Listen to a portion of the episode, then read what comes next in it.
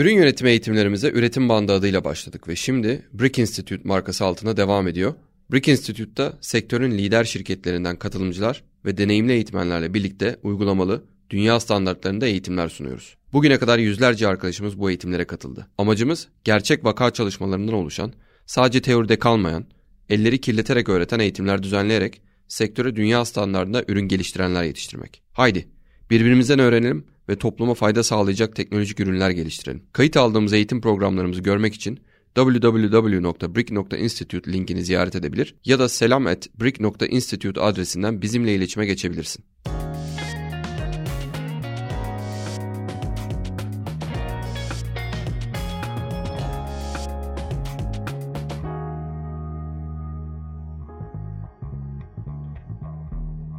Selam Üretim Bandı dinleyicisi. Üretim Bandı aslında bir podcast'ten daha fazlası. Biz aktif bir topluluğuz. Ürün geliştirme ve şirket yönetimi ile alakalı konularda kendi aramızda konuştuğumuz ve yeni şeyler öğrendiğimiz aktif bir Slack platformumuz var. Katılmak istersen üretimbandı.com slash linkine giderek topluluğumuza giriş yapabilir, sadece topluluğa özel oluşturduğumuz içerik ve etkinliklerden faydalanabilirsin. Unutmadan, topluluk üyeleriyle paylaştığımız, iki haftada bir yayınladığımız bültenimize de bekleriz. üretimbandı.com slash bülten linkinden bültene kaydolabilirsin. Keyifli öğrenmeler.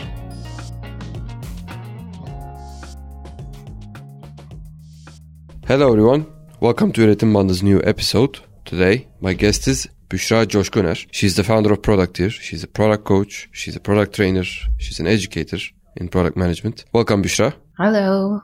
You're joining us from Zurich today? Yes, yes. I'm Okay. located in Zurich.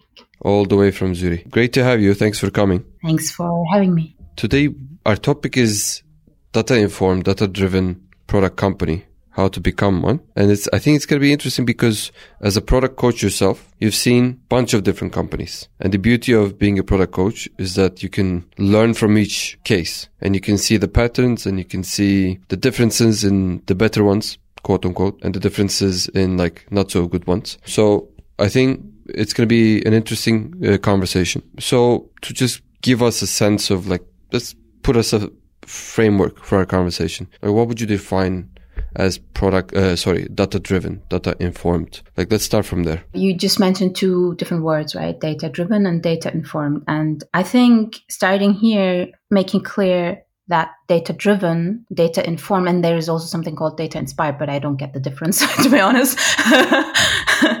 but um, so data driven is meant to only react and decide based on numbers and nothing else. Whatever the numbers say, we're going to do that. And it also means to only improve the product only based on numbers, meaning as well as goals, right? So we set an, a metric goal and we say we're gonna improve this metric and everything else is out of focus. And whatever we do, we do or whatever we decide, whichever whichever decision we make, we make it based on quantified information. So basically, you try to quantify everything. There's also a, a, a book, I think it's called um, "How to How to Measure everything or something like that. And people think you can measure everything. And there's also the notion of if you can't measure, you can't manage, right? So they find ways how to score X, Y, Z, and so on and so forth. And data driven means like you really want to put a number on basically everything that is happening. Data informed is a bit different. Data informed also uses data to make decisions, but it leaves space for qualitative insights or it leaves more space for qualitative insights. So data driven also leaves some space for qualitative um, insights but it's still you know whenever you can score something then score it kind of. But here you just leave it as a poor part of your information set. You accept it as data source um, that's one thing. The other thing is yes you look at the numbers but you leave also space for conversations for yeah also for gut feeling for intuition for you know politics. They're there if you want it or not. They're always there. Some companies more than in others but they're always there. So you leave some space for for this or for agreements that basically go against the numbers right? So for example i don't know you you i just made an example on, on linkedin recently myself so i created a poll and i polled four different topics but the poll was poor so if, if i wanted to use this as a survey and use the information from this survey to inform my decision. In a data driven company, I would push for really hardcore good, good surveys, right? So now I can, I could say, I'm going to improve this survey and I, I will try better. Or like, actually, I would basically run a couple of tests to improve this, the survey before I send it out, right? And make it perfect or I say, okay, I just need a rough indication, but I still need to make sure I'm not getting too too much bias into the the answers. But I need some sort of input, right? So then I could use this poll and guide my intuition with that, for example. Or I could still create a new poll and try to make it better, but I don't have to stick to the results, right? So if option B was the winner, but I know that it doesn't, it doesn't work well with my strategy, for example, or I know that internally we have discussions and I know that people are completely against this option, even though I know I, I show them the numbers and say like, look guys, actually people want this option, but we still agree not to go with that option. That's completely fine right? So data informed just means I use data, but I it not dogmatically to follow the data, but rather to inform our conversations, our discussions, and then finally make a decision based on having this as one type of input for all our conversations. So when you look at the companies that you worked with, for example, and when you think about the ones that are ideal at a near and near ideal stage of being data informed, what do they look like? What do they do? Why are they different? Like in terms of their daily operations, how are they using data on a tactical level that it makes them data informed? Yes, on a technical level, assuming you mean working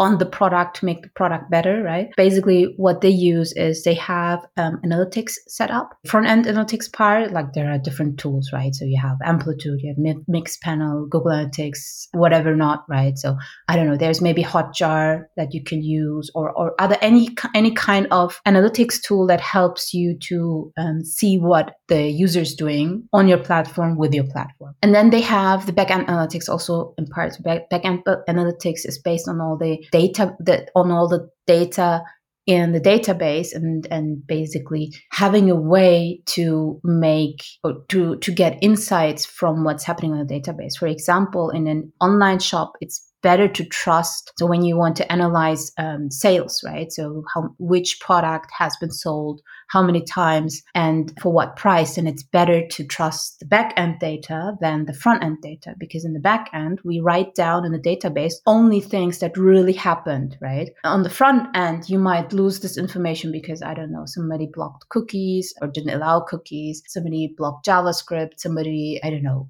messed up while they were like the system messed up or the, the shop messed up while they were going through checkout. So we have double numbers or whatever. Right? So therefore you have both in place and you ideally also have some sort of tool that can handle the backend data, like Tableau, for example, or Metabase, I think. And with these tools, you can actually create good insight, like first of all, information. And with this information, you can create insights, right? So what's happening? And good teams, or, or sorry, I'll take this back. It's not about good or bad.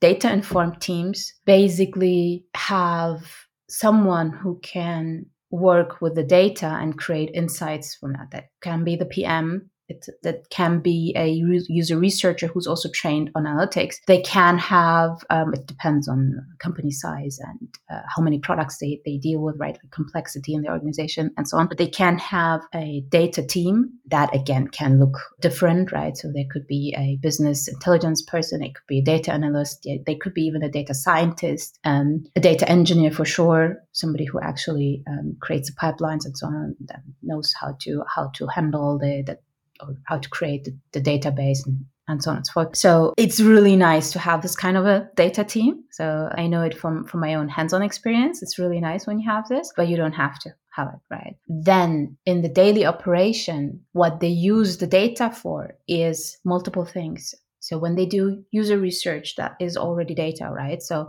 I mentioned qualitative data is also data. And when they do user research, they have different setups, different toolings, like maybe they use Dovetail to make sense of what they have uh, found out, or they just use a simple database. Maybe they just use a note-taking app, whatever, right? So, but but the user researchers make sense of user needs. Then you might. So I'm I'm going from strategy to to uh, down to the tactical decisions, right? Because I believe you cannot make tactical decisions only on data when you don't know about anything like strategy, right? And a product has a strategy. And to inform the strategy, again, we need data, right? So to, to understand if we're actually right or wrong and to understand if we're going to the right direction, we need data. And for that, we need to understand how, how the users think and what their what their needs are, how we can actually serve them and, and so on and so forth. So that's user research. We need to understand how the market um, is ticking and in which direction it's going, like what are the trends in the market that I mean, any market um, research company can help you here. And we need to know how our product is doing in this combination, right? And this is what you, these are the numbers that you can get from the front end and the back end and, um, analytics that, that I mentioned. So we can actually really inform the strategy. And once we have that, then we can use the strategy. We can use all the information that we get from the research and also from the analytics to prioritize what we want to actually build, make trade offs and say, like, let's rather build this first and let's stop this one or pause the other initiative and let's see how the first one goes. We can make experiments. So this is also part of making data informed decisions, right? We, I mentioned there's room for intuition, yes, but it doesn't mean you you need to go blind. Intuition is something that gets formed by experience and by information and by insights. It's not something that you know I had a good day today, so I slept well and I, I'm in a good mood. So oh yeah, let's go that direction. This is not intuition. it's not. and basically that's another part of, of the prioritization process right? So so get the data but also run experiments. And for experiments as well you need to set some success metrics and thresholds right? And here we go back again to data. So what's the baseline? How much better should x should metric x perform in order to call it a successful experiment and this kind of, things right? So data informed teams run experiments. They find out their hidden assumptions. They write good hypotheses and pick an experiment and run tests. Right. So the prioritization um, is informed by these tests as well as by the analytics. And then, and here's one key thing that many teams are not doing, and this is so sad. it's really so sad. Um, so we have learned, like through through um, agile methodologies, um, we learned that we the, the ultimate goal of a of a team is shipping working software. And this makes the feeling or it gives us a feeling that our work is done once we have released it right? But that's the wrong piece. That's like like this is wrong. Our work is not done once we've released it and it's out there. Our work is done when we analyze afterwards after a good time frame what happened if the feature, the improvement, whatever it is about, if the in- increment was successful, and here we need to define what success means, right? So, but if it was successful, if it created business value and customer value, so uh, both of that, right? So not just one of them. And if yes, then we make the decision to keep it. If no, what should we do then? Right. So making the decision after we have launched and analyzed how it how the increment has performed, then we can call it a, call it a day and say like, okay, work is done, right? But the decision has to be made and followed up on, of course, right? So if we say we kill the feature, then it needs to be killed. That's it. So wrap up. This was a very pretty good definition, at least in my mind. Like uh, I think you did a great breakdown of it. First, you said the tools, the infrastructure needs to be there. You said on the front end, we'll have event analytics tools, we'll have journey tools, journey exploration tools like Hotjar. On the back end, on the production data or the, the database, uh, we have the visualization tools, Power BI's, Tableaus, Metabase, all those things. You said there needs to be some sort of experimentation and connected to that good hypothesis creation, knowing your assumptions and knowing your unknowns, basically, and looking at things as hypothesis rather than just, you know, a fact. You also mentioned the qualitative part of the data informed, that we should do qualitative research and get basically color into what the data is telling or not telling. And then the last thing you said was I'm blanking. Just one is one thing regarding the qualitative data. I always say numbers can tell us what is happening, but not why it's happening. And for the why, we need to talk to people. I mean, yes, data. If you ask data scientists, they can have like their they can have their. So if you ask data scientists, they can have their causal So I'm not a I'm not a native English speaker, so I have problems with some words. Ca- causal, causal, causal relationship. Yeah, causal relations. Thank you. it's the same with the word vulnerability. that's that's a different one. That's a different yeah. case. Don't even yeah. go there. So um, they can find causal relations, but you know, not everybody has a um, data scientist at hand, like you know, hey, come on, let's have a look at it. But um, so therefore, like if you want to understand the why, you need to talk to people. Last point was about prioritization, um, using all of that for prioritization, and then also after releasing analyzing the success what happened. metrics. Yep. Exactly, yep. success metrics and analyzing what happened and making decisions. Okay, so this is a big thing like if you want to do all those things, this is a lot, right? Like this is let's we painted the ideal picture, let's exactly. say. And you also mentioned like this goes from the strategy level to the operations level. So you can actually do many things in between and you can do many things at the different at each different level. But there was also one thing that you said that was interesting. That so you use two words, you get the insight from the information. So in order to get the insight from the information, you need something in between. Like the, the, these all these tools that we talked about, they give us the data, they give us the information. How do we turn that into insight? Like the frameworks, the mental models, like what are those? What are the analytical models that we need and how should we look at those things? Like let's just turn this into a case study. Like I'm PM, regardless of my experience, in a company that has all the resources that we talked about. Information's flying to me qualitative and quantitative. I have all the tools I need. Let's assume that I can, I know how to use them and I can get the data. How do I get the insight? From that data? Yeah, that's a very good question. And I will have to disappoint you. There's no shortcut.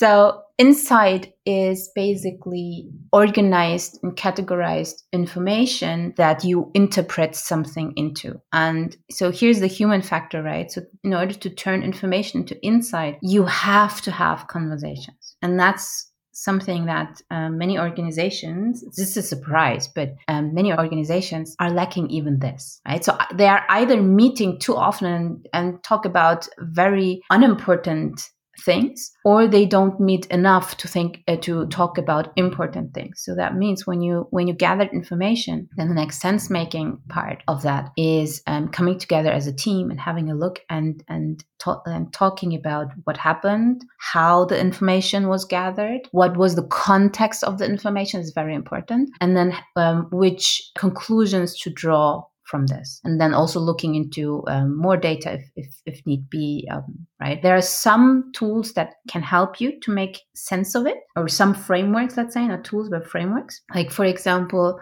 how you could start is that's a starting point that that i always you said like it's big. Yes. So how do i start right? So the very easy most easy starting point is actually plotting the customer journey as a tree, not as a flow like in story mapping, but as a tree, like the whole tree that could happen, right? And then basically put the numbers to the steps where something happened. And then you already visualize gaps, either data gaps. So uh, we haven't looked into this part, right? And now there's a big question mark. So let's look into that as well. Or you see a drop somewhere, right? And then you find out, oh, here, there's a drop. We need to look into this. And when you look into this and add qualitative data or look into Hotjar and see what's actually happening, and then you can try to, uh, you can start to have the conversation about the insight of what is happening there, and then create experiments or ideas depending on how clear you are,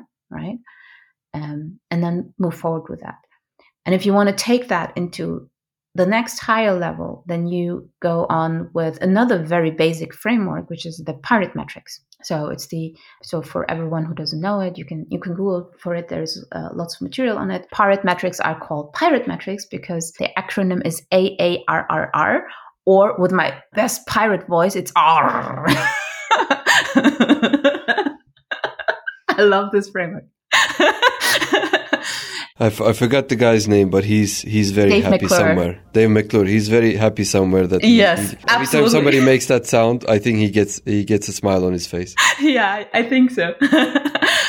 And um, so you split it down into acquisition, activation, retention, referral, revenue. And marketing people see it as a flow, but with product people know it's it's, it's not a flow actually, right? So uh, sorry, they, they see it as a funnel, um, but we know it's not a funnel, it's a flow because nobody goes through the product in a straight linear, way, right? yeah. Exactly, in a linear way. So it's some sort of a flow, and every product has its own flow, but there's like some, um, yeah, let's say template that you can start with per per product type, and then when you arrange those steps into the flow. For example, LinkedIn. Yeah, LinkedIn. Everybody knows. I assume that everybody who listens to Üretim Bandı knows LinkedIn. Yeah, that's a good. That's a fair assumption. That's a good assumption, I think. And then when you when you would plot LinkedIn um, along the pirate metrics flow, then you would probably start with well, ac- acquisition. You always have to acquire first, right?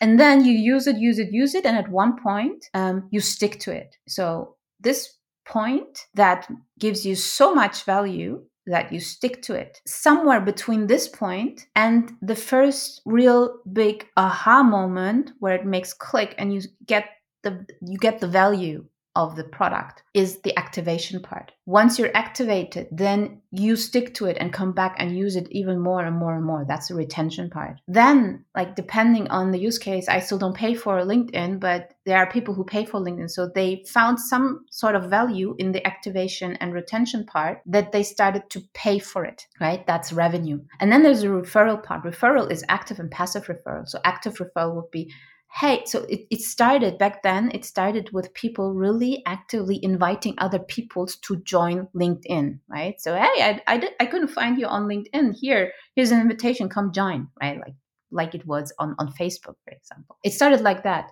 Nowadays it's more active because linkedin already is is pretty big right? So um it's it's more uh, sorry it's more passive. It's more about bringing people back to the platform. That's the referral part here right? The virality. I'm writing a and that that's what they're trying to optimize for i think right? So i don't know. I have my article my newsletter on linkedin and i'm, and I'm writing my newsletters on linkedin and spreading it all over the world and so that people actually open linkedin again right? So not a different newsletter too. So now this is kind of like the referral part. So you plot your your pieces. Oh, and in LinkedIn's case, after revenue, after they paid for the product, there starts another activation cycle because now you have lots of different features that you haven't had before, and now they have to activate you one more time on these new features so that you see the value of paying and that you retain in the paid system, right? So so you can basically add another loop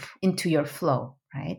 That's what I mean with um, every every product has its own flow. And once you have plotted that, then you can talk about which part of the product is actually helping in which step of this flow, and then you can talk about which metrics will actually help us understand if the product is successful in this step. And then from all the data that you have gathered, you can map it to your flow or the other way around before you have actually looked into anything now you know what to look into right? So now you can go very specific into your uh, into your data analysis. Just want to say like this is the the uh, rapid to wrap it up which is uh, this is the uh, second framework that helps you so much to get started. So i think one one thing that um the the, the, the first thing that you said was it's not it's not that you know say it's not that easy but there's there's perfect basically like there's no one solution to get the insight uh, because every business is different. For example like linkedin is a b2c but also a B2B. It's a marketplace, but it also has a SaaS component as well. So like LinkedIn is huge, right? I mean, it, in terms of like the complexity it has, like there's no one LinkedIn flow. Like there's no one LinkedIn journey. There's no one LinkedIn like customer behavior. So my bet is that at LinkedIn, there's like a huge product and data team where they basically slice and dice different types of customer segments and they try to optimize each for that, for each of those segments. Absolutely for e-commerce, for example, that's a whole different game. Like it's journey straightforward, right? E-commerce yeah. is very straightforward. Yeah. Yeah, you got to get the you got to get the numbers up. You got to get the conversion up. Basically, that's it. Like you you want to get the conversion up. You want to get the average basket size up. You want to get the returning uh, orders up. And so it's Again, there are different segmentations in e-commerce as well. But for example, like my background is more B2B SaaS. B2B SaaS is a totally different world because the name of the game is to get the acquisition uh, conversion up and keep the churn down, basically. Mm. Yeah. And the to keep the churn down, there's for example a gap between there's a there's a mind gap, let's say, or there's like a mental gap between usage of the product by the user and the the transaction. Like they they because you not the buyer, yeah. Yeah. I mean, so the the buyer and user might be different. Even if they are they use the product but they might churn away. So there's there's very there are different mental models and there are different ways to get the insight out out of the from the product. So i think the first thing perhaps they can do is like okay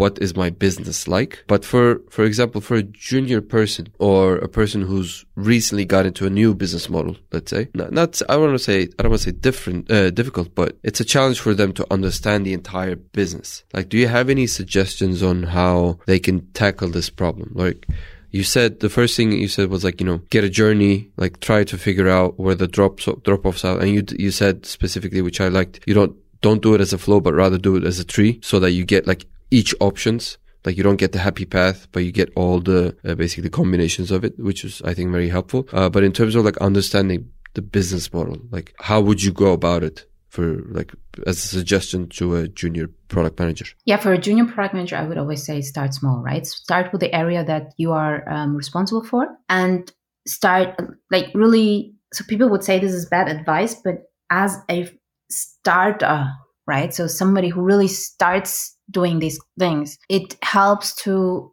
just really focus only on your space and in the very first step um, ignore what's happening around just say like okay here's a blurb of something is happening here, but it's not my business. Here's a blurb of something's happening here, but it's not my business. So first of all, just get your stuff down so that you understand your area. You will quickly notice that understanding only your area is not enough. So but you don't so depending depending on on the size of the product right? So like as you said linkedin is huge. You don't have to understand every corner of the product but you have to understand that there are interconnections with your product or with your area of the product with other areas of the product and they need to work well together so once you have an understanding of your own area then you can go deeper into the very next the adjacent area understand how they are working but you don't have to go too deep into that, right? So you don't have to know the nitty gritty details. You have to know the nitty gritty details of, of your area. But you need to understand how your area affects the adjacent areas. And then working backwards, then I would work backwards and be like, okay, what's the overall business aim of this product? We we tend to forget the business aim, right? So we want to always focus on product, but product is there for a reason. It's not there for being a hobby. It's there for making making a business, right? So we want to make business with it. So and then after that, I would, in the third step, start to think backwards. Okay, this is our business. What we're trying to do is we want to make money with doing XYZ. LinkedIn, we want to make money with selling ads, with LinkedIn ads, right? With the subscription, okay, we have four tiers, four different types. Okay, each tier is very different from the other. What's included in those tiers? Understanding how we make money, right? And then finding a path from those ways of how we make money down to your your product or your product area this path and r- really start easy you don't have to understand everything right away right just find one path that you understand very well once you have that you can look into other paths that could also happen right and yes i'm talking about happy path and once you have that once you have that understanding then you can also look into not happy path because yeah, we don't build products for happy paths, right? So we have to think end to end. Yeah. And what's what do you think is the most challenging part of like becoming a data informed product person or a product team? Changing the mindset. Okay. Can you this say more about that? This is the very different difficult part, right? Because so there are just different aspects to it. One aspect is that we as humans, we tend to jump into solutions, right? So somebody said, Oh, I need so oh my my chair is broken. And the first thing that we think about is, well, okay, then just buy a new chair, right? But what if we could just repair the chair? Or maybe we actually um, take this as an opportunity and change the whole set of chairs, right? Or instead of doing that, we actually take the opportunity and do a even more crazy mix of new chairs, right? So that not all of our chairs are the same. And yeah, so we tend to jump into solutions without thinking about why we want to actually do the sol- execute on this solution. Why is this solution the best one? And what other options do we have?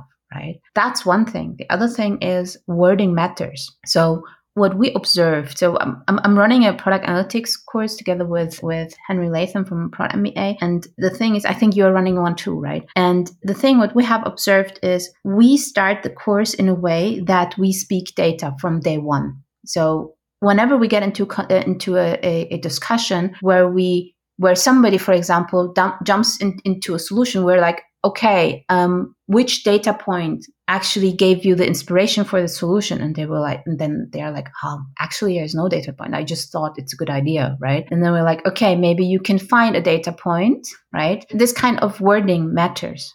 When you change the conversation into a type that you ask people how they came up with the idea, not necessarily um, demanding it, right? But just having the conversation. When you offer them, hey, let's have a look together right? When you use the words that matter, like evidence, confidence, insights, understanding what's the input for that and make people talk about where actually their suggestions come from, then slowly but steadily the mindset is changing. And then there's also the conversation about outcomes. We should all be outcome driven. Well, yeah, ideally, if we want to measure if we're successful with what we're doing, it's better to measure an outcome than an output because an output is zero or one. Either you have done it or not. But maybe you have done taken steps until this outcome, uh, until this output, and you could measure these steps, like looking at team success, right? Or you turn the conversation actually to your users and say, and you want to make your users successful with your product, right? So you look at the steps that the users are taking, and these are already some sort of outcomes, right? And then you start talking about these. Uh, but naturally, humans really rather talk about goals than outcomes. And that's fine. You can be like, our goal is it to find a new feature that helps us with doing XY,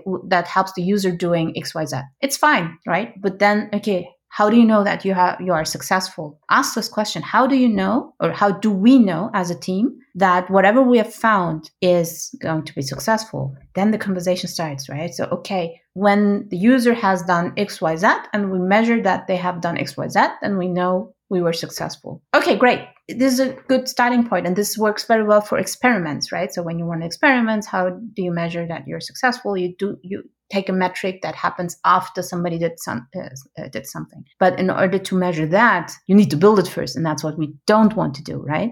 So then you, you take a step back and say like, okay, good. When they have done XYZ, which steps are there that they could do before they get to the point, right? So which steps are there and which of these steps can we actually see right? And can we actually measure? So maybe there is there are like lots of other steps that they can do before that we can measure so that we know oh this person is going to do that. Just yesterday a friend of mine uh, frederick Vosberg just uh, released a, a newsletter article and he described exactly this situation right? Start with a goal. Don't overcomplicate it. Start with a goal. Ask how um, to measure success and then think backwards and find the steps to get there and then make your success metric one of those. I think the challenge, and I can hear people listening to this say in their minds, I think the ch- main challenge is changing that mindset, not in like one individual PM, but rather in the product culture in the team. Because if the, the management is asking for X feature by date Y, then they're not going to hear anything else. Or the mindset of the, the, the team that's building the product is mainly focused on like features and specs and you know the, the details of the solution. So how would you go about tackling that challenge? Because as as a person, I think hit the nail on the head in in terms of like, yeah, we got to change the mindset, and that's the hardest part. And you got to start with the individual, and that's also a challenge on its own. I mean, uh, changing like oneself mindset is not that easy. But let's assume that we've done that on an indi- indi- individual le- level. How do we turn that into a more scalable culture change? Yeah. So that is even more difficult and takes a lot of time. Just to yeah, disclaimer. There's no easy way. So once, let's say you are very clear that you want to work this way. And by talking in this way, you have already changed your team's mindset, right? So, and you and your team, you actually know you want to work this way. In the meantime, you have, you will have conversations with your stakeholders. And in the meantime, you have, you will already have influenced your stakeholders. And at least put a seed in their head right to to actually change a bit of of the view. But again it's a it's a long process so that the change uh, that the stakeholders minds also change together with your with your team's minds right? So but you have already bigger influence out of your team. And then your manager yes. Be careful. This is the person who decides if you if you are in or out. Literally.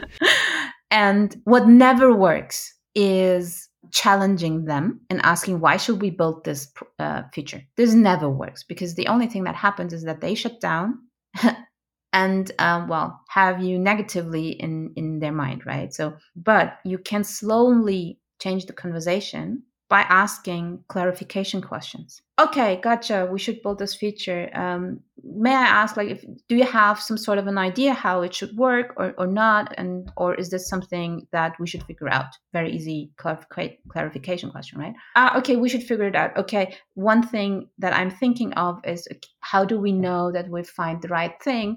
I think of we should measure this somehow right? So that i can report to you right? It's always about making your manager's life easier i can report back to you that we're what that we're done you know what? I, my suggestion is I'm going to think about it and I will let you know. In the meantime, I will look how how to plan it into my roadmap. So you don't say no. You just ask qualification question. In the next um, conversation, you come up with a suggestion, right? And that was a shortcut. So you ask more clarification question, right? So, and then the next conversation, you can be like, okay, look, regarding this feature, I have thought about it. This is how I would measure it. Um, and the measure would be an outcome then, right? So um, one framework that I really love is impact mapping.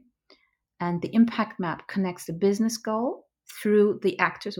It has four layers business goal, actor, user outcome, and then the output. Um, so the idea basically. And your manager talks on I- ideal level, the output level. And you come back with a success metric that is a user outcome. And I like, I think if we can measure if the user has done XYZ, then we can like this can give us an understanding if we as a team made this feature in a successful way. Is that okay for you? And then you come into conversations and then your manager will be like probably i don't understand. How do you come up with it? And then you talk him through like this is my thoughts. This is what i what i think we should do and so on and so forth. And then you get into the conversation. Chances are high that in the first that the first time you try it he says no or she says no right? And is like just build it and then it's done.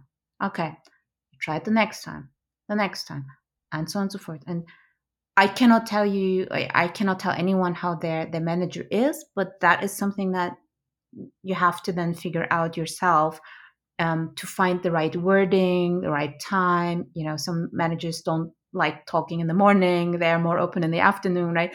Like these kind of things is something that you have to know about your manager, and ideally, you also know their goals, right? They are in the company for a specific reason. And there are personal goals and business goals. Their personal goal might be, I don't know, a head of products personal goal might be to become the CPO, either in this company or in the next company, whatever. And they are trying to actually grow their career themselves, right? So how can you help your head of product to be so successful to be considered as a CPO?